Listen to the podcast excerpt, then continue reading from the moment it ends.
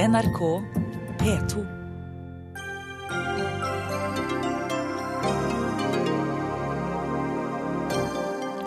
Flyktningene fra Syria skal få en milliard, men skal den brukes for at syrerne skal holde seg borte? Statsministeren møter sine kritikere her i Dagsnytt 18, og ekspertene vurderer. Kan vi ta imot så mange? Er det for dyrt? De som prøvde å drepe Malala, fikk livstid i dag, men han som skjøt, er forsvunnet. Hva skjer i Pakistan? Tyskland overvåket EU og Frankrike for amerikanerne, som i sin tid overvåket Tyskland. Hva har ikke Edward Snowden stelt i stand? Norge solgte krigsskip til en krigsherre i Nigeria, men det visste ikke generalene noe om, sa de i stortingshøringen i dag. Martin Kolberg satte dem på plass, og han kommer hit sammen med journalisten som avslørte dem.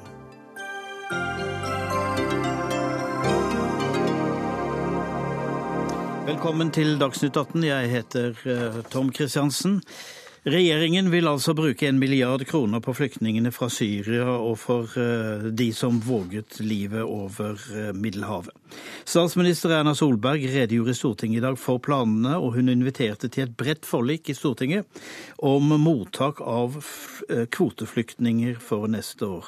Velkommen til Dagsnytt 18, Erna Solberg. Du sitter i et studio i Drammen, men vi hører deg godt, håper jeg? Det hører jeg, håper jeg òg. Det har vært en voldsom debatt om Syria-flyktningene. Har du diskutert de tiltakene du i dag har foreslått med f.eks. dine støttespillere? Kristelig Folkeparti og Venstre? Eh, det er jo først og fremst sånn at regjeringen har avklart hva vi kommer til å legge inn i, i revidert nasjonalbudsjett. Eh, det, den konferansen var i går i regjeringen. Vi sluttførte vårt arbeid med, med, det i går. Og da eh, var det naturlig å signalisere dette. Så er det jo sånn at vi signaliserer hva regjeringen kommer til å foreslå. Og så har jeg også åpnet og invitert til en prosess rundt både hvordan vi hjelper i Middelhavet, hvordan vi hjelper i Syria, og ikke minst også hvilke ambisjoner vi da skal ha for flyktningmottak i Norge i 2016. Hvor mye av dette har du eh, bestemt deg for på egen hånd, og i hvor stor grad har det vært noe som støttespillerne dine er kommet fram til? Altså, regjeringen står jo bak den redegjørelsen jeg har gitt. Og det er en åpen redegjørelse på flere punkter. Vi har selvfølgelig snakket litt med KrF og Venstre, men det er jo ikke sånn at vi har noen avtale med KrF og Venstre. Vi eh, har en åpen prosess i Stortinget knyttet til dette. Det, det, du sa i redegjørelsen din i dag at du skal tredoble antall kvoteflyktninger med spesielle medisinske behov. Det har vært et tema, og det høres mye ut. Men det øker fra 20 til 60 pasienter, da. Ja. Men det er sånn at over mange år så har Norge tatt imot 20. 20 eh, eh, med, med, sterke behov for medisinske eller annet hjelpetiltak når de kommer til Norge. Norge har vært et av de få landene som faktisk til høykommissæren sier ja, vi tar imot en del eh, av denne typen flyktninger. De som vi vet kanskje varig kommer til å ha behov for hjelp ved bosetning i Norge. Noen av de kommer til å være personer som etter medisinsk behandling er helt fullt fungerende vanlig i det norske samfunnet. Så det er ganske sterkt når vi øker, når vi da i løpet av dette året tredobler det, så kan man si at eh, det, det er ikke mye. Men, men, det er altså en tredobling i forhold til det vi har, Norge har gjort. Eh, I, ja, egentlig som en regel siden jeg var kommunalminister sist gang. Eh, disse skipene som nå skal til Middelhavet, skal de vokte Europa mot flyktningene, eller skal de berge flyktningene? De skal delta i Triton. Det betyr at de er en del av grensekontrollsystemet til EU. Det er iallfall det som gjelder den båten den norske regjeringen sender. Så har Redningsselskapet ønsket å sende en båt som også skal være inne, som vi har meldt inn til Triton, for, det, for å få bedre aktivitet. Men det er jo sånn at alle de båtene som er i Triton, all den aktiviteten som skjer, dreier seg også om å redde. Det er, det er jo en grunnleggende lov på sjøen at når folk er i nød, så hjelper du. Det er jo det man bruker også fra Triton og fra Kystvakten til, til, til i Italia som begrunnelse for å kalle opp sivile skip for å hjelpe til når de har fått en nødmelding. Eh, og, og derfor så er det jo sånn at man vil både drive redning og søk og patruljere Eh, patruljere EUs yttergrense. Og så har jeg lyst til å si at når vi valgte da å sende et sivilt skip, og med den spesifikasjonen som vi har eh, inn eh, på det skipet som, som vi nå eh, skal ganske raskt avklare hvilket skip vi velger, så er den spesifikasjonen sånn at den er nettopp fokusert på at den skal ha plass til å kunne hente opp mange. Vi kunne sendt et mindre fartøy, f.eks. med militære kapasiteter ned, men det gjør vi ikke, fordi det ville hatt mindre mulighet for å drive med redningsarbeid direkte. Takk så langt, eh, Erna Solberg. Trine Skei Grande fra Venstre. Og det dette du ønsket, da? Ja, Det er i hvert fall en veldig god start. Og det er en veldig god start at statsministeren åpner for et bredt forlik på dette området. Eh, det, det er jeg veldig positiv til. Fordi her er det mange elementer. Hun kom med mye bra i dag i forhold til støtten til flyktninger. Det er det. Vi ønsker jo også at vi skal ta imot flere. Vi har dobla antall kvoteflyktninger med, med, den avtalen vi har med regjeringa, men vi mener likevel at vi burde ha, ha med flere. Det må i dette. Og så er det mange andre tiltak vi burde ha gjort. Jeg merka meg at en av de ideene vi har hatt om å lage en helsebro for å hjelpe dem som er, er skada, og som spesielt bor i Libanon, der helsesystemet holder på å bryte sammen fordi at de eh, har så økning i innbyggertallet som 60% faktisk er. Det å ha hatt en helsebro til Norge for å, for å lette unna sånne ting, det merka jeg også at statsministeren ikke er avfeid, men hadde i hvert fall en, en, plan for å se på hvordan man kan gjennomføre. Vi kommer til å legge mange sånne ideer i potten når vi nå skal snakke sammen, og jeg syns det er bra hvis dette ikke blir gjort til et sånn politisk prinsipielt spill, men at vi har fått til en bred enighet. Jonas, da... Gahr, Jonas Gahr Støre, eh, leder av Arbeiderpartiet. Er du fornøyd med denne milliarden? Ja, Det var 250 millioner som da tar summen opp en milliard. Eh, og Det var mye bra i det. Jeg syns statsministeren ga en god redegjørelse om det som skjer i Middelhavet, det som skjer i Midtøsten. Og flere av de tiltakene hun kom med var positive. Og så er det slik at eh, Jeg tror det er et flertall på Stortinget som mener at Norge også bør svare på FN høykommissær for flyktninger som ber om at flere kvoteflyktninger får komme til Norge. Det tror jeg regjeringen har merket seg, og at statsministeren var åpen for å ha en dialog om det. Det trekker i den retningen som Trine Skei Grande sier, og som jeg er enig i. Hvis vi skal få til det, så krever det en dugnad i kommunene, i Norge, i befolkningen. Det har vi klart før, og det er langt bedre stilt om vi er enige på Stortinget om det. Så nå blir det samtaler til uken eh, på Stortinget eh, om det, og der kommer vi til å bidra. Vi mener vi bør kunne motta flere, og jeg tror det kan eh, også bli et flertall for det. 10 000 flyktninger er blitt nevnt. Er det et hellig tall? Det viktige her er at vi øker antallet Norge Arbeiderpartiets landsmøte mente at vi kunne ta imot 5000 i år og 5000 til neste år. Når vi nå skal forsøke å samle enighet, så mener jeg vi må prøve å gå inn i hvor raskt kan vi svare Høykommissæren. Uh, hvordan kan vi sette kommunene i stand til å ta imot. Uh, det krever et arbeid. Om det da krever at vi har en innsats i 2015, 2016 og 2017, f.eks. Det må vi kunne være åpne for å diskutere. Eh, og så skal vi jo ta folk imot på en god måte. Eh, gi dem eh, integrering, ta imot dem. De som har helseproblemer, må få hjelp til det. Og generelt sett sørge for at de får en ny, god start på livet. Og det er jo sånn her at Vi må både kunne hjelpe til i den store regionen hvor mange land i verden må hjelpe til, men jeg har iallfall lyttet til det FN sier om at hvis ikke de landene i verden som kan er med på å ta an noe av det presset som er på nabolandene, så kan systemet bryte helt sammen. og Da kan utfordringen bli enda større for de menneskene det gjelder, men også for landene rundt, og også for oss i Norge. Trine Skei Grande, er 10 000 et absolutt tall? Vi, vi, ønsker å få til et bredest mulig forlik, og da er det tiltakene vi klarer å bli enige om. Og da, da hvis, jeg, hvis, jeg, skal også klare å få til mange av de andre tingene vi er opptatt av, så er det helheten som betyr noe. Men vi må ta imot flere. Det er det vi må ta vårt, vårt internasjonale ansvar. Og vi merker jo nå at, at den dugnadsånden som vi har vært kjent for, den holder nå på å spre seg. I går vedtok uh, bystyret i, Tromsø at de ville ta imot flere. I dag vedtok uh, Venstre- og Høyrebyrådet i Oslo at de tar imot alle de er bedt om å ta imot. 811 til, til Oslo. Det holder på å skje noen ting der ute i et engasjement for at dette er en befolkning vi, vi ønsker å, å hjelpe. Og det er en befolkning som ligger oss nært. Syrerne ligger oss egentlig nært i, i historie og i kultur, og i, på mange områder så er dette, dette litt som den dugnaden vi hadde med Balkan, eh, da vi henta inn 21 000 Og, og, Vietnam for 40 år siden. Ja, ikke sant. Vi har hatt sånne dugnader før. Og det, det er noen av de stolteste øyeblikkene når vi, når vi kikker tilbake til det i ettertid, og vi faktisk var med på en internasjonal dugnad for å hjelpe unna en sånn krise. Og dette er den verste krisen på 75 år. Det må vi ta inn over oss. Hører du det, Erna Solberg? Det er flere som vil ha en dugnad ute i kommunene for å ta imot flere. Og tallet 10 000 har vært nevnt.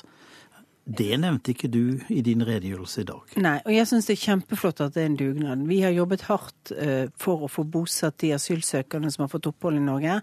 Det er nemlig viktig å huske at det er en, det er en diametral forskjell på den situasjonen vi er i dag og den situasjonen vi var på 90-tallet.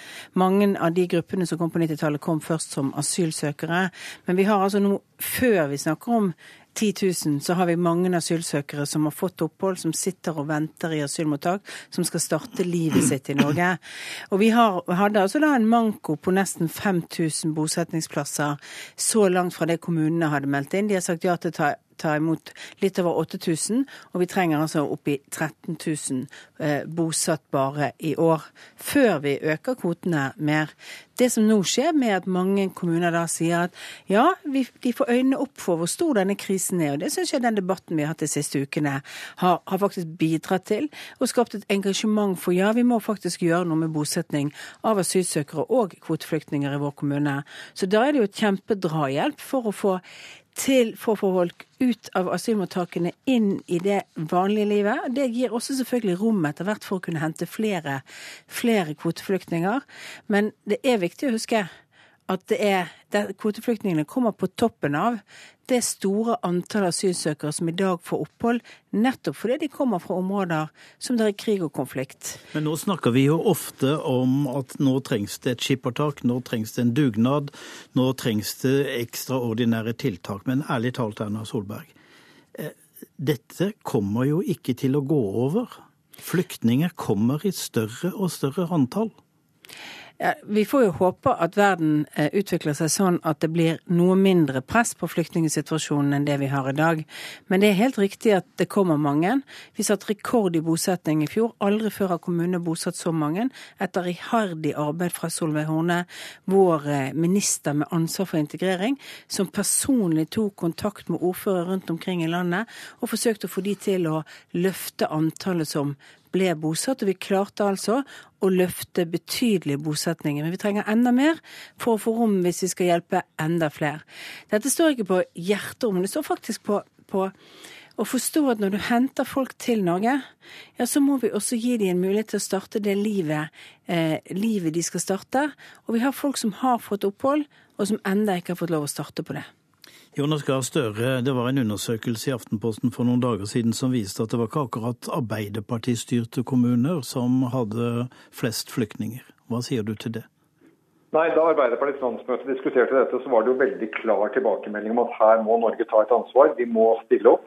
Jeg sa til det landsmøtet, og der er det mange med ansvar i kommuner, ordførere, kommunepolitikere, at skal vi klare det, så må vi stille opp, dere må stille opp. og Det er vi klar over. Og jeg tror Det som er veldig viktig for oss som nå sitter på Stortinget og regjering, er at i en slik situasjon så kan vi velge å se dette som en vanlig sak, der det er et flertall og et mindretall, og styre mot det. Eller vi kan si her er det noen prinsipper. Her er det et norsk ansvar, et internasjonalt solidarisk ansvar som Norge skal ta. Da søker vi sammen. For Hvis vi får til en enighet hvor vi alle strekker oss for å samles om at Norge kan ta imot noen flere, så er det lettere å gå til kommunen og si hva trenger kommunene for å være i stand for dette. Da er det lettere for kommunen å gå til befolkningen sin, Kirken, Røde Kors, frivillige organisasjoner og si hva skal til for dette løftet. Og Det tror jeg er på vei til å skje nå. Og Jeg velger å tolke statsministerens åpne dør. Eh, vi inviterte for en uke siden til at vi nå satte oss ned rundt et bord og snakket om det. Det har ikke vært så mye av det i Stortinget de siste par årene at alle åtte partiene er inne for en sånn samtale. Og Det tror jeg faktisk er en viktig forutsetning for at vi kan gjøre dette på en verdig og ordentlig måte. Også så skikkelig som det skal være for at vi sørger for at det er godt både for lokalsamfunnene og for de menneskene som skal få beskyttelse.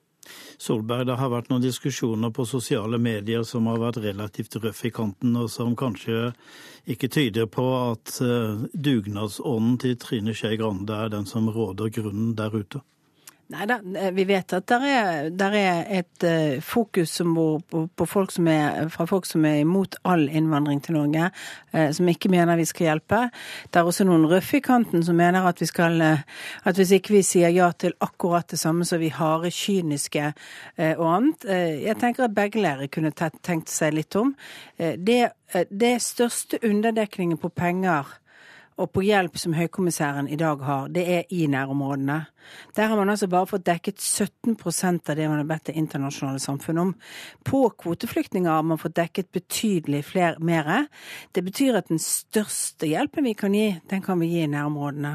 Og jeg har altså vist noen eksempler i den redegjørelsen gjort på hva vi kan gjøre for de 250 millioner kronene som vi har bevilget i dag, som betyr bl.a. at 53 000 barn i Libanon kan få skolegang. altså syriske barn som er i flyktningsituasjon i Libanon, kan få skolegang i et helt år. For meg er det viktig at uh, i en sånn krig- og konfliktsituasjon som vi er oppe i nå, ja, så, så må vi sørge for at ikke hele barne- og ungdomsgenerasjonene blir en tapt generasjon. Det vil gjøre gjenoppbyggingen uh, etter at konflikten er ferdig, mye, mye vanskeligere. Da sier jeg takk til deg, Erna Solberg og Jonas Gahr Støre og Trine Skei Grande. Og så skal vi se nærmere på klokskapen i det som er kommet fra statsministeren i dag om flyktningene. Er det overhodet mulig å øke befolkningen her i landet, slik det har vært ønsker om? Og hva er alternativene? Vi spør dem som eh, vet svarene på slikt, ekspertene. Jan Egeland, du er generalsekretær i Flyktninghjelpen. Hvordan ser regjeringens tiltak ut fra flyktningenes side? Det, det, mest positive i statsministerens redegjørelse i dag var at det blir to skip i Middelhavet, og de vil redde mange liv. Skulle ønske de hadde vært der i begynnelsen av året, men det er jo fantastisk godt at de kommer nå. Det mest skuffende er jo at vi ikke tar flere flyktninger til vårt land overhodet. Eh, altså fra 20 til 60 syke. Det er jo ikke noen ting, nesten, i forhold til fire millioner som nå registreres i nærområdene. Dette er en enorm flyktningkatastrofe. Og det er også meget skuffende at det bare er 250 millioner kroner ekstra når vi nå har eh, godt over 16 millioner mennesker å fordele disse pengene på lokalt. Eh, vi har en enorm underfinansiering i hjelpearbeidet. I denne debatten, både i de sosiale medier og også blant politikere, så er argumentet at de bør hjelpes der de er. Det er billigere, og det fungerer bedre. Da er det lettere å dra tilbake, osv. Altså, er det ikke noe i det? Eh, jo, vi kan hjelpe de aller fleste i nærområdene. Flyktninghjelpen er eh, den, en av de tre største hjelpeorganisasjonene overhodet i, i, området. Vi har 3000 fulltidshjelpearbeidere. Vi hjalp 1,6 millioner mennesker i fjor, og i år skal vi hjelpe flere inne i Syria og i alle nabolandene. Men vi kan ikke si til Libanon og Jordan dere er endestasjonen. Eh, Europa tar, eh, kan ikke ta noen. Vi, vi, har, vi, har, vi, har, så store problemer her i Europa. Det er klart at det må også være beskyttelse i andre deler av verden. Grensene til, fra Syria til nabolandene er i realiteten nesten stengt nå. For det er ikke De kommer ikke videre derifra. Og mange er så fortvilet at de ender opp i Middelhavet. Vi må gjøre begge deler. Ti organisasjoner har gått sammen om å si la oss nå i alle fall bruke én milliard av vår overflod ekstra til hjelpearbeidet. Og la oss ta 5000 hvert år de to neste årene. Det er det de ti norske organisasjonene ber om. Og det håper vi at Stortinget faktisk vil stå ved. Fire partier i alle fall har sagt at det er de enig i.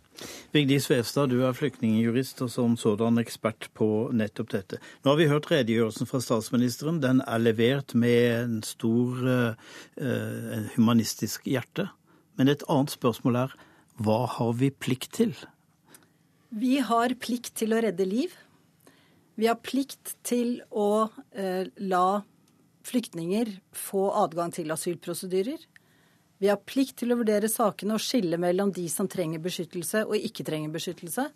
Og vi har plikt til å la de som ikke trenger beskyttelse, returnere eh, på en eh, verdig måte. Og alt dette bør vi og har vi både kapasitet til og kompetanse til å gjøre i Europa. Dette er også et europeisk ansvar, så jeg er veldig enig med Jan Egeland i det han sier her. Hvis du hadde vært rådgiver for Erna Solberg når hun satt og skrev sin redegjørelse om dette, Hva ville du gjort annerledes? Jeg ville vært veldig tydelig på i hvilken grad redningsoperasjonene skulle gjøres eh, enten i forbindelse med Triton eller i forbindelse med de skipene på norsk eget initiativ. At man gikk nært nok til Afrika, der hvor disse menneskene reiser ut ifra, og sørger for å, å redde liv. Eh, foreløpig så er dette veldig vagt. Det er vagt formulert fra EU-landenes side, og jeg syns det er vagt formulert også eh, her på norsk side foreløpig. Men det er jo å håpe på at eh, det også vil være skip som går nære. Det er ett punkt. Et annet punkt er at jeg ville vært veldig tydelig på det felles europeiske ansvaret på at også Europa må stille opp her, og at det ikke bare skal overlates et ansvar til landene i nærområdet. Her må vi kunne tenke ikke enten-eller, men både òg. Men det regimet som EU nå etablerer i Middelhavet, det er jo ikke et regime for et humanitær aksjon for å hente flyktninger. Det er jo for å vokte Europas grenser, bl.a. mot illegale flyktninger. Ja, det er jo helt riktig, og, og det er jo en del av Schengen-samarbeidet. Det er jo å ha vokting av felles yttergrense, og, og Middelhavet er vår felles yttergrense, også den norske. Så her er det ikke bare EU-landenes ansvar, men også det norske ansvaret. Og Derfor så mener jeg at vi, vi mangler foreløpig en klarhet i hva eh, den operasjonen egentlig skal bestå i. Hvor langt vil de gå i å redde liv? I hvilken grad vil de gå utenfor territorialfarvannene til Europa? og gå så nært at de faktisk kan eh, redde liv ved kysten av Afrika. Og Noen av dem skal altså til Norge, kanskje 10 000 flere. Vi får se hva det blir. Eh, Gunn Marit Helgesen, du er styreleder i Kommunenes Sentralforbund. Når skal norske kommuner innse at de faktisk har et ansvar for å ta, ta imot flere flyktninger enn de de faktisk tar imot? Jeg tror norske kommuner faktisk erkjenner det ansvaret. Eh, men jeg tror det er viktig her at eh, vi må skille med hva som er kommunens ansvar og hva som er det nasjonale ansvaret. Jeg blir veldig fornøyd når jeg hører at man nå er i ferd med å få en felles politisk eh, ansvarliggjøring. Eh, hvor mange flyktninger eh, skal Norge ta? Det må storting og regjering avgjøre. Og så må vi spille på lag med kommunene, slik at vi får et best mulig mottaksapparat som gjør at kommunene kan bosette og gi de menneskene vi snakker om, et, et godt, en god start og en god begynnelse på et nytt liv. Det snakkes eh, som om det er en umulighet å kunne ta imot 10 000 ekstra for å holde oss til det tallet. Nei, det tror jeg ikke er noen umulighet. Men det handler jo også om eh, å sette kommunene i stand til å gjøre denne oppgaven eh, på en god måte. Og det, da handler det selvfølgelig om midler til forsterka økonomiske virkemidler. Og det handler kanskje også om å se på systemene for mottak. Vi vet at vi har ganske rigide introduksjonsprogram som gjør at kommunene har plikt til å, å starte et toårig program som de må tilby den enkelte i forhold til språkopplæring osv. Så og det kan tenkes at vi må eh, løse litt opp på hva slags system forventer vi hvis vi skal gjøre en ekstraordinær innsats eh, hvor kommunene har en rolle. Eh, og det er klart, her må vi spille på lag. Her er det en dugnadsjobb som skal gjøres. Og jeg tror det vi ser nå, kommunene er beredt til å bistå, men det handler jo også om å bli gitt muligheten til å gjøre en god jobb. Vevstad, dette er en dugnadsjobb, er det det? Ja, Gjerne det, men jeg mener først og fremst at det er et nasjonalt ansvar. Og dermed så er det veldig fint hvis man kan gjøre det på en dugnadsmessig måte. Eh, men uansett så er dette en forpliktelse som Norge har påtatt seg. Og da syns jeg det er merkelig at man skal eh, overlate det endelige svaret til eh, hva kommunene mener er riktig for dem. Jeg tror neppe at libanesiske myndigheter diskuterte med sine kommuner om de skulle ta imot 1,2 millioner syrere da det var nødvendig. Så her er det et, en flyktningekrise, og da må verden stå sammen om, om, dette. Og da mener jeg Norge som nasjon, og ikke bare Norge eh, og overlate det til kommunalt ansvar. Hva, hva var tallene fra Libanon igjen, Jan Egeland? Ja, altså I Libanon er det nå i realiteten mer enn 1,5 millioner eh, flyktninger. Hvor mange altså, innbyggere har de? Eh, de har, eh, hadde vel en 3,5-4 millioner i utgangspunktet. Så du kan si hver tredje eller hver fjerde person nå i Libanon er en flyktning fra Syria. Så, så det, er, det, det, er, rett og slett slik at, at Europa tar nesten ingenting i forhold til hvor stor denne, denne, katastrofen er. Statsministeren har helt rett når hun sier at borgerkrigen i Syria har ført til en av de største humanitære krisene vi har sett etter andre verdenskrig, og at det er ufattelige menneskelige lidelser som utspiller seg i Middelhavet. Og da er det veldig rart at svaret er så lite. Altså, man, legger fram en pakke så det du, for Det du sier er at uh, den tanken om at de skal hjelpes der de er, de er allerede gjort? Nei, eh, vi sier at vi gir for lite til hjelpen der de er. Altså, Norge er blant de minst dårlige. Norge ga ni øre per nødstedt per dag i fjoråret. Ni øre per nødstedt per dag. Det er ikke å hjelpe dem veldig mye der de er.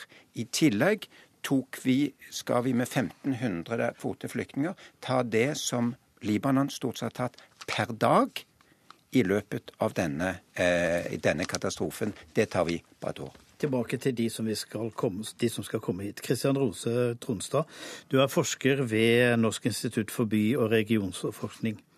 Er det mulig å ta imot 10 000 mennesker vi ikke visste kom på besøk? Ja, Det tror jeg er ganske bestemt. Eh, de siste åra, helt siden 2004, så har Norge hatt rekordhøy innvandring riktignok av arbeidsinnvandrere, men vi har hatt nesten 50 000-60 000 arbeidsinnvandrere som har funnet jobb, og som har funnet seg et sted å bo de siste åra. Så det at ikke vi skulle kunne klare å ta imot 10 eh, 000 flyktninger på to år ekstra, det, det tror jeg ikke er helt riktig. Vi har jo også Men det står, erfaring det står, jo ikke 10 000, det står jo ikke hus til 10 000 mennesker ledige rundt omkring, gjør det det?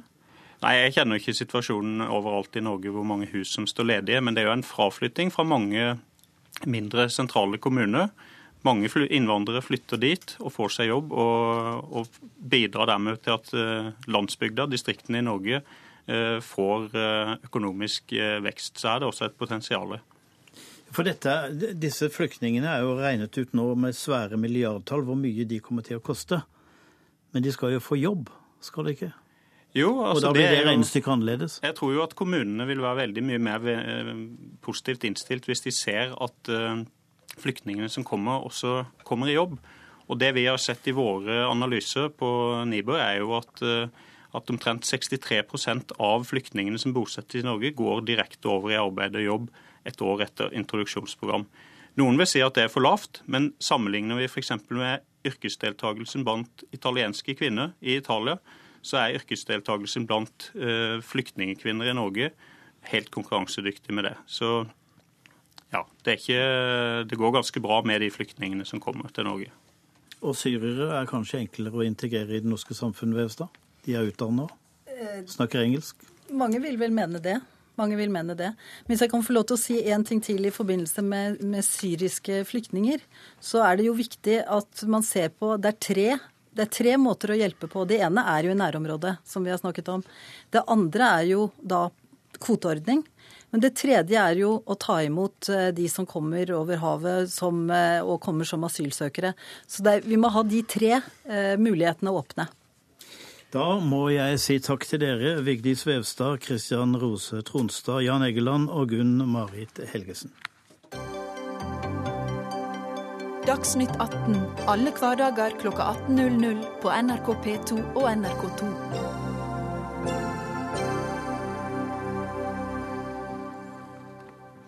I Pakistan må ti menn sone livstidsdommer i fengsel for drapsforsøket på Malala Yousefzai. Hun ble skutt mens hun satt i en skolebuss, men overlevde og fikk Nobels fredspris i fjor, som vi eh, husker. Atta Ansari, du er journalist her i, i, NRK. Eh, du har ikke lest dommen, men uh, hva tenkte du da du hørte at de hadde fått livstid? Altså, Den dommen er ikke blitt eh, tilgjengeliggjort eh, til nå. Jeg har snakket med en lokal journalist i Svartdalen for ikke så lenge siden i dag, som sa at eh, det var ingen i pressen som visste noen ting om denne rettssaken. Det er klart at dette var en lukket rettssak, men de pressen klager på at vi kunne da i det minste fått informasjon om at en slik rettssak pågår. Men det var, var en spesiell ja, domstol? Dette er jo en sånn hurtigarbeidende antiterrorist- eller antiterrordomstol som ble opprettet for noen år tilbake. og Dens formål er da liksom å behandle da terrorsaker i, i en hurtig fart.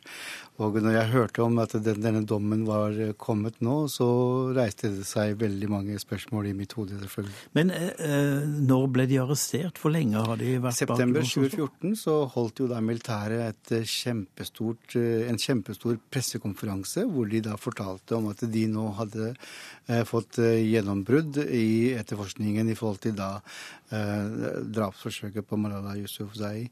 Og da la de fram noen navn, og så sa de at de har nå tenkt å gå videre med etterforskningen og, et, og, og da arrestere enda flere.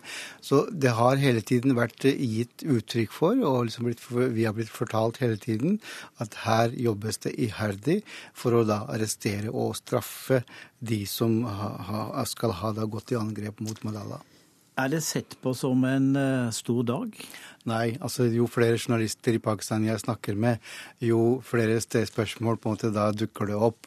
Eh, det ikke, denne saken er ikke noe særlig stor i Pakistan. Dessverre så er det slik at uh, journalistene der nede sier at dette er en høyprofilsak. Dette er en sak på en måte hvor også da Vesten og da utlandet er veldig interessert i. Så her er da både militære og uh, politiet og, og også da denne domstolen veldig interessert i å vise at de gjør noe. Og det er det alle sier, at dette er bare et bevis på at de gjør noe. Det de ikke har Fordi klart, det er Malala som er verdensprøvd? Fordi det er Malala som er verdensprøvd. De har fortsatt ikke klart å arrestere de som utførte dette drapsforsøket. De har heller ikke klart å arrestere da Taliban-sjefen i dette området, som har rømt fra stedet. Så det er mange spor som de ennå ikke har klart, eller mange ting som de ikke har klart å løse ennå. Eh, Elisabeth Eide, du er professor ved Høgskolen i Oslo og Akershus. Eh, han, han som skjøt, han eh, er jo ikke arrestert. Han er det ingen som vet hvor er. Vet du hvor han er? Nei, da, da, skulle jeg ha høy kompetanse på noe jeg ikke har så høy kompetanse på. Nei, det vet jeg ikke. Og det er vel heller ikke alle som vet nøyaktig hvor mulla Mullah Fazlullah, som er jo leder for TTP, Terike Taliban Pakistan, er henne. Sannsynligvis et sted i Afghanistan. For det er jo slik at afghansk Taliban til tider gjemmer seg i Pakistan, og omvendt. Så Det er jo en del av eh, dette bildet. Men det som er interessant her, er jo også at disse ti Vi vet veldig lite om dem, bortsett fra at de ble arrestert i september. Og dette kan være alminnelige, fattige, villedete gutter eller unge menn som ikke nødvendigvis har gjort noe annet enn å uh, ja, være med i, eller være sympatiserende til en organisasjon. Vi vet ikke noe om det. Vi kommer ikke til å få vite det heller, høyst sannsynlig. fordi at det som har skjedd etter eh, mordene på 130 skolebarn i Peshawar i desember i fjor, det er jo at regjering og militære har trappet veldig opp eh, for å vise muskler, for å si at vi skal ta dem. Men det vi også vet, det er jo at eh, framtredende terroristledere, f.eks. en av de hovedskikkelsene bak angrepet på et hotell i Mumbai for mange år siden, som er leder av Lashkar-e-Taiba, en regulær terrororganisasjon, han går jo også fri i Pakistan. Så de store gutta de har en eller annen form for beskyttelse, mens det er de mindre som må svi. Og også en del ganske absurde situasjoner. En firebarnsmor som var kristen, og som ble dømt til døden for blasfemi fordi hun ble sladret på av noen eh, nabokvinner som ikke likte henne. Altså, det pakistanske rettsvesenet er det grunn til å stille seg svært kritisk til. Altså, man kunne jo i et høystemt øyeblikk tenke som så at når de har arrestert og gitt eh, lange straffer til dem som angrep Malala, ja, så har det skjedd noe stort og viktig for kvinner i Pakistan. Nå blir det lettere å være skolejente i Svartdalen. Men det er kanskje hjemmesnekra teologi? Ja, det ville jo vært en fin, eller, en fin realitet, men det er nok mer en drøm, da. Dessverre. Dessverre. Eh, men altså, det er jo et faktum at eh, Taliban eh, ikke lenger kontrollerer de områdene i Svåtdalen som de har kontrollert tidligere. Regjeringen nei, og militæret har jo jaget dem ut av disse områdene. Men det er like fullt et faktum at det er veldig farlig å være kvinne som støtter liberale tanker og ideer i hele Pakistan. Og det siste var jo en menneskerettsforkjemper i Karachi, som altså kjempet for den balutsjiske saken, og som ellers hadde liberale synspunkter. Hun ble jo drept bare for uh, seks dager siden uh, i Karachi, og vi vet ikke helt hvem. ikke sant? Og det er veldig mange, for Færre av de som ble dømt, og ikke nødvendigvis de riktige som ble dømt, så det er også en god del som går fri i forhold til slike politiske mord. Så Betyr denne rettsavgjørelsen her noe som helst i din forståelse av rettssikkerheten i eh, Pakistan? Det vi har sett. Det er jo, altså, du har jo også en stolt tradisjon i Pakistan, som var advokatbevegelsen da vi hadde diktaturet under Musharraf. ikke sant? Der så du jo en annen side ved som rettsfolkene, som altså protesterte på overgrep fra diktaturet mot høyesterettsjustitiarius den gangen. Men når du ser på selve rettsinstitusjonene, så er det jo slik at det begås veldig mange overgrep i lavere rettsinstanser. Noen blir anket og rettet opp i høyere, men det avhenger jo av om du er rik eller fattig, om du har råd til en god advokat eller ikke. Så dette er jo et sosialt spørsmål. Og I tillegg er jo Pakistan i denne veldig alvorlige knipen at du har en regjering som erklærer krig mot uh, terrorister, og uh, som er alliert med USA, hvilket avstedkommer mange, mye opposisjon fra grunnplanet. Men du har jo også en sikkerhetstjeneste og et hemmelig, uh, en etterretning som delvis holder sin hånd over de samme folkene. Det er jo et pakistansk kjempedilemma. Ansari, dette skjedde jo i Svartdalen. Hvordan vil du beskrive rettssikkerheten i den delen av landet? Altså Det som er problemet med rettsvesenet eller rettssystemet i Pakistan, er jo at det er flere parallelle rettssystemer i Pakistan. Du har Jirga-systemet, du har liksom da antiterrordomstolen, du har den ordinære, og så har du da liksom de islamske domstolene i tillegg.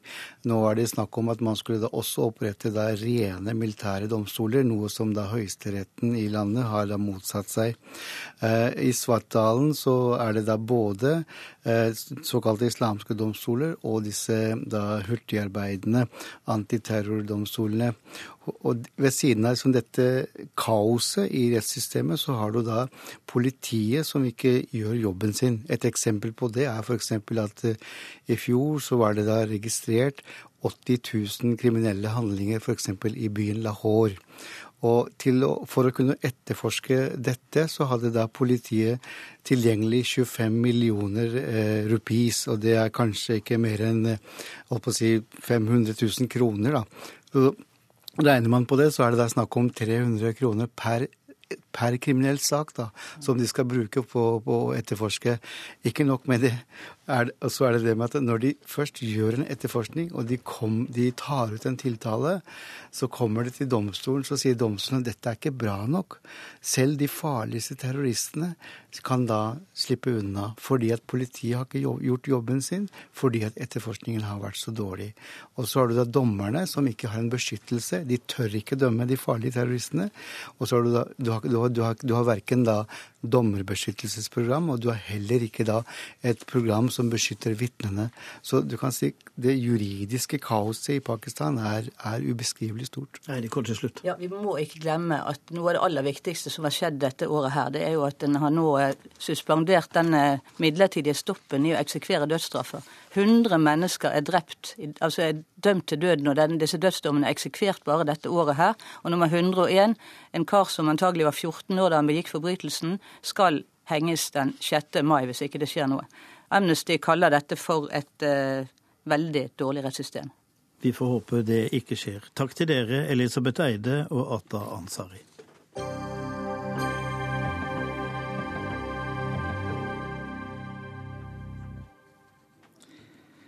Tysk etterretning hjalp i årevis USA med å spionere på den franske regjering og EU-kommisjonen i Brussel. Det skriver tyske medier i dag. Det skal ha blitt drevet telefonavlytting av bl.a. Det franske utenriksdepartementet, og informasjon skal deretter bli gitt og overført til den amerikanske etterretningsorganisasjonen NSA.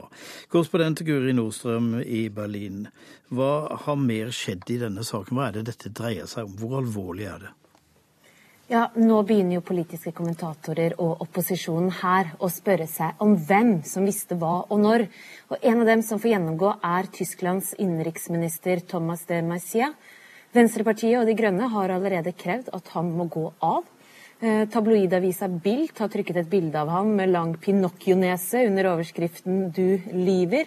Og årsaken til det er at han var sjef for Angela Merkels kontor i 2008 og dermed ansvarlig for eh, etterretningstjenesten. Og det blir hevdet at regjeringen allerede den gang fikk opplysninger om det som skjedde, men at de valgte å vende det døve øret til fordi de angivelig ikke ville stikke kjepper i hjulene for amerikanernes kamp eh, mot eh, terror. Men Angela Merkel var jo så oppbrakt over at amerikanerne hadde overvåket henne, bl.a. hennes mobiltelefon. Og nå står hun liksom og er leverandør av spionopplysninger til dem som avlyttet henne, amerikanerne. Det må da være ganske pinlig? Ja, altså hvis dette stemmer, så er det først og fremst pinlig fordi både Frankrike og EU, som eh, også er da en som skal ha blitt spionert på her, er Tysklands eh, nærmeste allierte. Og så er det en annen ting her eh, som man kanskje må kalle litt eh, ironisk. Det er at uh, dagens avsløringer skal ha kommet som følge av granskingen som tyske myndigheter satte i gang for å finne ut hva som hadde skjedd da det ble påstått at amerikansk etterretning hadde avlyttet Merkel sin mobiltelefon. Så dette er jo litt av ei smørje, for å si det sånn. Ja, men det var jo en annen påstått spionavsløring også, med industrispionasje. Ja, den kom forrige torsdag. Da skrev magasinet Der Spiegel at den tyske etterretningstjenesten i årevis har hjulpet NSA med å tappe europeiske selskaper for informasjon. Og eh, spionasjen da skal bl.a. ha vært rettet mot forsvarsindustrien og flyprodusenten Airbus. Eh, Süddeutsche Zeitung eh, skriver også at slik industrispionasje har eh, skjedd, men at det bare har skjedd i noen enkelttilfeller. Rett før jeg kom på sending nå, så kom det en hastemelding fra BBC om at Airbus vil anmelde dette forholdet. Har Frankrike og EU kommet med noen kommentarer til at de har vært spionert på av tyskere? Her jobbes det nok heftig i kulissene akkurat nå. Franske myndigheter har vært veldig stille siden avsløringene kom, men ifølge franske aviser så er Paris i nærkontakt med Berlin for å få en avklaring. Og eh, når det gjelder EU, så har EU-kommisjonens leder Jean-Claude Juncker sagt at han regner med at Berlin kommer til bunns i dette. Men han sa også at uh, han selv har erfaring med at det er vanskelig å kontrollere etterretningstjenesten. Juncker måtte jo som kjent gå av som Luxemburgs statsminister i 2013, nettopp pga. en eh, etterretningsskandale.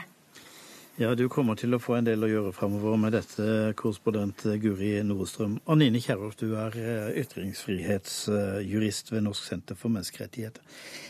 All, ingenting av dette ville jo skjedd om ikke Edward Snowden hadde spredd om seg med alt han visste av uh, hemmelige opplysninger før han måtte stikke og havna til slutt i Moskva? Situasjonen er vel at alt ville skjedd uh, uansett hva Snowden hadde gjort, men vi ville ikke visst om det.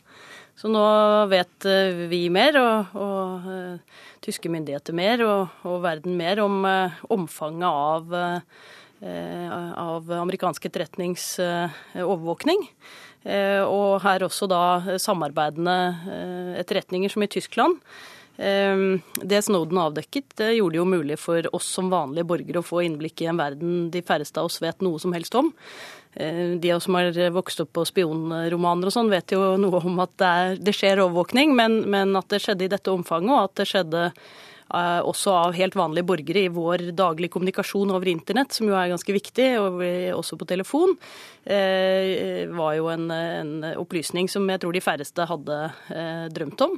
Eh, nå ser vi jo også at dette undergraver jo den tilliten som er nødvendig mellom statsledere. Og hvilke konsekvenser det får, det eh, har ikke jeg utenrikspolitisk eh, nok kunnskap til å vurdere. Men, men det sier jo noe om en, en, del av verden som vi vet veldig lite om, og fra en hva skal vi si, et foregangsland i oppbygging av demokrati og rettsstat som mange har sett til som akkurat det, og til dels har tenkt at det er et et fungerende verdenspoliti på noen områder, og, og som da bryter rettsstatlige eh, prinsipper eh, til gagns eh, på en måte som er svært problematisk. Da nyheten om Snowden kom, så kom det nærmest som en slags en nerds guttestrek som han egentlig ikke visste hva han drev med, og hadde bare vært uansvarlig og så hadde det bare balla på seg. Og historien om Edward Snowden er jo i den forstand en ganske pussig historie. For han begynte jo som en ble oppfattet til å begynne med som en, en nerd som hadde kommet i skade for å begå en kriminell handling. Ja, og, og, og, kanskje er han det, men han har iallfall utvist sin nerdethet på den, en måte som i ettertid fremstår som den eneste forsvarlige hvis man skulle gjøre det han gjorde. Istedenfor eh, å legge alt ut på nett, så har han da gitt det til eh, en ansvarlig redaksjon, The Guardian, som da skulle vurdere i hvilken grad noe kunne offentliggjøres, og hva som måtte hemmeligholdes av hensyn til ulike rikers sikkerhet. Eh, og det, det tenker jeg er omtrent den eneste måten du kan tenke deg å gjøre dette på, hvis du skal prøve å opptre ansvarlig. Du, har, du starter som en lojal medarbeider til en, en stormakt. Eh, det viser seg gang på gang at den storbakten misbruker den tilliten den har fra sine borgere og fra resten av verden. Og hva gjør du da? Skal du opprettholde lojaliteten din til din egen, ditt eget land, eller skal du opprettholde den til verdens befolkning generelt? Og eh, han velger da å gjøre det siste, eh, med store potensielle konsekvenser for han selv. Og etter min oppfatning så gjør han det på den eneste måten han kan gjøre det, slik han vurderer det. Det som er veldig problematisk her, det er jo en ting er jo all den informasjonen USA sikrer seg ved denne overvåkningen. Eh, det kan man jo, eh, uavhengig av, avhengig av hva slags tillit man har til USA, tenke at de behandler på en ordentlig måte. Det som er problematisk, er jo at den informasjonen er jo til dels kodet på en måte som gjør at det er kun den typen nerder i 20-årene, hvis beveggrunner og eh, vurderinger av hva som er viktig for dem selv, deres stat og verden, er helt utilgjengelig for oss flest. Det er jo egentlig de som sitter, og en, rekke, en liten gruppe sikkerhetsrådgivere som sitter og vurderer en helt enorm mengde ulovlig innhentet materiale om alle oss. Det er jo sterke inngrep i personvernet til store deler av jordens befolkning. Men det er jo også blitt sagt at hans eh, avsløringer har gitt terrorbevegelser anledning til å finne ut hvordan eh, amerikansk etterretning fungerer, og innrette sin, eh, sin terrorstrategi etter det. Ja, jeg har ikke sett noe dokumentasjon på den spekulasjonen. Jeg vet ikke hva de hadde av den type innsikt fra før, og hva de eventuelt har fått av ny innsikt, og hva det eventuelt har ført til. Så eh, det er klart at det er et, eh, det er et potensial. Eh, men inntil vi ser klare utslag av dette, som kan oppveie det at vi alle i verden får vite om denne undergravingen av vårt personvern og den, de forholdsreglene vi må ta, og den, de konsekvensene dette har for egentlig hele demokratiet, vår mulighet til å korrespondere med hverandre fritt til enhver tid.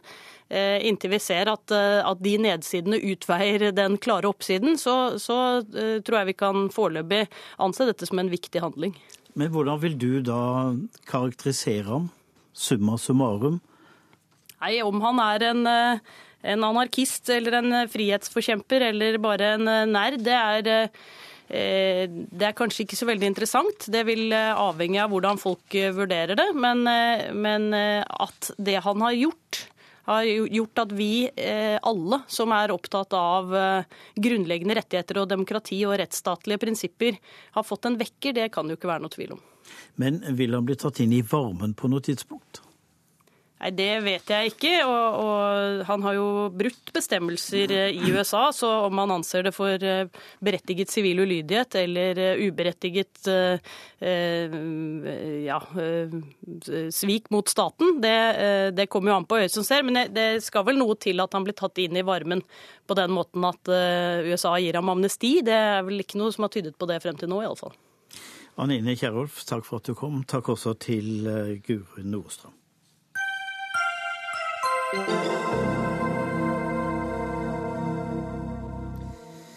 Hvordan kunne ti marinefartøyer fra Forsvaret havne i hendene på paramilitære vaktstyrker i Vest-Afrika? Det var det høring i Stortinget om i dag. Tidligere forsvarsminister og forsvarssjefer måtte svare for seg, og i ettermiddag sa utenriksminister Børge Brende at han har varslet Riksadvokaten om mulige straffbare forhold begått av Forsvarets logistikkorganisasjon. Forsvarsdepartementet og Forsvaret har ikke ønsket å komme hit i kveld, men eh, Martin Kolberg, du er nå med, og du er leder i Stortingets konstitusjon- og kontrollkomité. De eh, vred seg i stolen i dag? Ja, både og, vil jeg si. Altså, jeg mener at dette har vært en veldig god høring. fordi at det har jo, Vi har greid gjennom høringen å identifisere hvor disse problemene befinner seg. Og det er ingen tvil om at dette er i Forsvaret og i Forsvarets logistikkorganisasjon, altså det som heter FLO, eh, som eh, dette har skjedd. Og hvor hovedansvaret iallfall befinner seg. Men du beskyldte dem jo for å ikke ha gjort, eh, ikke forberedt seg? Ja, det var spesielt rettet mot uh, den nåværende forsvarssjefen, uh, dette. Fordi han uh, på så mange punkter sa at han ikke visste. Og en forsvarssjef som er den fremste tillitsmannen, vil jeg si, som er gitt et mandat av norsk regjering, kan ikke sitte i Stortinget og si at han ikke vet, på punkt etter punkt, som er vesentlig for at Stortinget skal kunne få opplyst saken. Ja, de viste jo til åpenbare systemfeil, som de sa. Altså Det var ikke de som hadde gjort noe gærent, men det var noen andre? Ja, altså det er jo et eh, sånn byråkratisk begrep som jeg også reagerer på. Og det var jo blant annet det som gjorde at jeg sa det jeg sa. Eh, og det er jo en systemfeil, det er ingen tvil om det. Men at det er flere her som ikke har fulgt med på hva de skulle ha fulgt med på, burde fulgt med på, det er jo hevet over enhver tvil. Og sjefen for FLO, da, direktøren der, han uh, sa jo også at han heller ikke visste. Og det betyr altså at vi har hatt et system i det norske forsvaret hvor en liten lomme har kunnet disponere marinefartøy og selge dem i strid med regelverket uten at noen har reagert. Og, Burde du vært sparka? Ja, jeg vil ikke Det er den type ting som vi ikke uttaler oss om. fordi at det for andre Du har lyst? Nja, jeg, jeg, vil ikke uttale meg om den type ting. fordi at det er det, er, det får være forsvarsministeren og regjeringens ansvar å håndtere embetsmenn og ansatte i, i, Forsvaret. Men du var irritert i dag? Ja, jeg var skarp på de punktene jeg mener er grunn til å være skarp på. Og det er min oppgave som leder av kontrollkomiteen i Stortinget. Og jeg gjentar at når embetsmenn spesielt møter for kontroll- og konstitusjonskomiteen, så møter de den øverste folkevalgte kontrollinstitusjonen i Norge. Og da må de kunne svare på de spørsmålene som blir stilt. Hvis de ikke er helt urimelige, og det var det ikke, for det var helt relevante spørsmål som ble stilt. Kristoffer Egeberg, du er journalist i Dagbladet. Det var du som avslørte dette. Du fikk SKUP-prisen for det, og du har holdt på med dette lenge. Og det er ingen andre som har interessert seg for det før mye, mye seinere. Det er en ting jeg lurer på. Disse båtene som ble solgt, de var jo strippet for alt utstyr. Det var ikke en kanon, det var ikke en rampe, alt teknisk utstyr. Så det de solgte var egentlig bare en, ei lystyacht. Er det så gærent? Ja, det er i hvert fall det de hevder. Eh, nå kan man jo si at eh, hadde de bygd lystyachter og brukt de som missiltorpedobåter i det norske forsvaret, så tror jeg ikke de hadde kommet langt. Dette er vel båter som er bygd for krig, og som både eh, tidligere forsvarssjef eh, Sverre Disen og nåværende forsvarssjef eh, Håkon Brun Hansen under høringen og i pausen i høringen innrømte er helt glimrende våpenplattformer også i dag. Og Disen ønsket faktisk ikke at de skulle selges, og sa under den åpne høringen at selv uten våpen, altså strippet eller demilitarisert som de kaller det, så fungerer disse her helt glimrende som våpenplattformer. Og det er jo nettopp det denne krigsherren Tompolo i Nigeria bruker dem som. De har nå fått nye kanoner plassert akkurat der hvor de gamle sto. Og de er nå eh, patruljerer i Nigerdeltaet og eh, de store oljeinstallasjonene i Nigeria, som både Amerikas tidlige eh, ambassadør til landet, eh, Campbell, i, dagens avis eh, hos oss sier er galskap mer eller mindre, og som tidligere toppsjef i Shell i Afrika, Olav Ljøsne, sier at Norge har i praksis gitt denne mannen full kontroll over Afrikas mest oljerike land, største oljeeksportøren, på lik linje med Norge. Si meg, ble de lurt? Ble Forsvaret lurt, eller hadde de grunn til å vite hva de drev med? Det har jo ikke jeg grunnlag til å si. Jeg, si, jeg, jeg jo bare sakene, og jeg eh, har jo drevet med dette i et år og, og, fått innsyn og lest veldig mange dokumenter. Jeg kjenner nok denne saken spesielt godt, men jeg kjenner jo ikke intensjonene bak det som har skjedd. Det må nok noen som er mer skodd til det, gjøre. Men det er helt klart, og det peker jo også PwC, altså disse granskerne, på, og de som har vært inne i etterkant, at flere har visst. Dette er ikke en utro tjener eller noen utro tjener i dette systemet. De har ikke vært i et vakuum. Det har vært månedlige styringsmøter. Det kom frem på høringen i dag også. Så dette har folk visst. Og PwC mener at dette har både folk oppover i Forsvarsdepartementet og folk oppover i Utenriksdepartementet visst om. Martin Kolberg, var det ikke litt påfallende hvor liten interesse de hadde vist for å følge med og finne ut hva det var? Jo, Eh, og jeg er enig i det som Egeberg nå sier om at det er, en, eh, det er et spørsmålstegn knyttet til disse kontaktmøtene som alle bekrefter har funnet sted, hvor også Forsvarsdepartementet har vært til stede og blitt informert. Det det, det nok henger på, eh, hvis jeg skal legge godviljen til, det er jo at de, de, har hatt et veldig press på å bli kvitt disse båtene. De ville selge dem. Det var Stortinget har bestemt at de skulle selges. Regjeringen har sluttet seg til dette. Og de hadde vanskelig for å få solgt dem. Og eh, når de endelig klarte å få en kjøper som viste seriøs interesse, så, så eh, har jeg en følelse av at de da eh, ble så ivrige på å få dette til at de lot en del hensyn fare. Og det er det som jo og brøt reglene, altså. Og det er det som jo er vår kritikk. Og Det er derfor vi har gått inn i denne saken, og derfor så kommer konklusjonen også til å bli til Stortinget, slik som alle er enige om i dag. Børge. Alle har sagt at reglene er blitt brutt. Alle tidligere statsråder, de nåværende og forsvarssjefer, både nåværende og de forrige, har sagt at det er blitt brutt. Og den nåværende forsvarssjefen har beklaget dette overfor Stortinget i dag. Slik at det er ingen tvil om realiteten i spørsmålet. Hva med forsvarsministrene, da? Ja, altså De er jo enige, alle sammen, at her har reglene vært brutt. Og eh, de sier alle sammen at de ikke har vært informert. Og når jeg har eh, muligheten til i offentlighet, når jeg har Egeberg også eh, på øret, for å si det slik, så vil jeg berømme det arbeidet han har gjort. Og det er et stort tankekors for meg i den rollen jeg har, at uten hans arbeid så er jeg i tvil om, eller jeg er nesten helt sikker på, at vi ikke hadde oppdaget dette.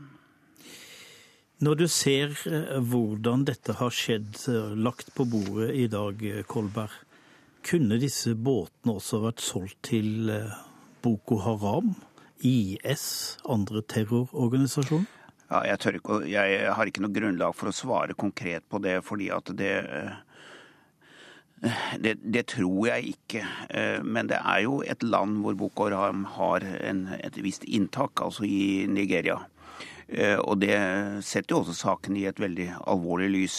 Og det er jo som Ekeberg sier nå, eh, det er jo, disse bruker jo i militær tjeneste nå. Og det er jo veldig rart at fremtredende norske embetspersoner ikke forsto at det var nigerianerne som skulle ha båten, båtene, og ikke britiske myndigheter, som altså var et postkasseselskap på en campingplass i Storbritannia som er den liksom formelle kjøper, det måtte jo alle begripe at det ikke var den seriøse kjøperen, og at den skulle gå til andre formål. Og man visste at det var nigerianerne, for nigerianerne var på plass i Norge og besiktiget båtene. Og det var ganske klart for mange, og det fremgår også av rapporten, at uh, dette var klart for alle at båtene skulle til Nigeria på et ganske tidlig tidspunkt. Eh, Egeberg, denne Tompola Ekpemupolo, hva slags fyr er den? Det var han som kjøpte båtene? Ja, Jeg er ikke ekspert på han, men det, gjennom det arbeidet jeg har gjort, i hvert fall, så kan man jo si at han er jo en eh, veldig veldig mektig eh, figur i Niger-deltaet. Han er jo tidlig opprørskommandant i opprørsbevegelsen Mend i Niger-deltaet. Eh, disse sto jo bl.a. bak kapringen av en norsk plattform tilbake i 2008-2009, tror jeg, mener jeg husker. Og også kapring av et, eh, av et eh, norsk eh, supplybåt, hvor flere nordmenn, to norske seilere ble kidnappet og, og, så vidt jeg vet solgt tilbake. Han inngikk et amnesti med daværende president i, Nigeria i 2009. Uh, mot Altså å legge ned våpenet mot da gjentjenester, som vil si at han da ble belønnet med meget lukrative sikkerhetskontrakter på vegne av den nigerianske stat, noe som er veldig, veldig omstridt i det landet.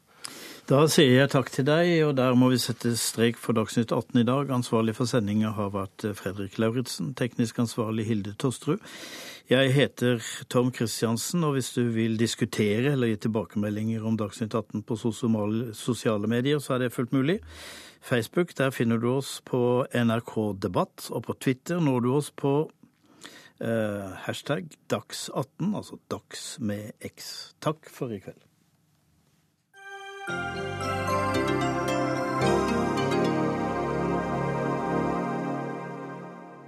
Hør flere podkaster på nrk.no podkast.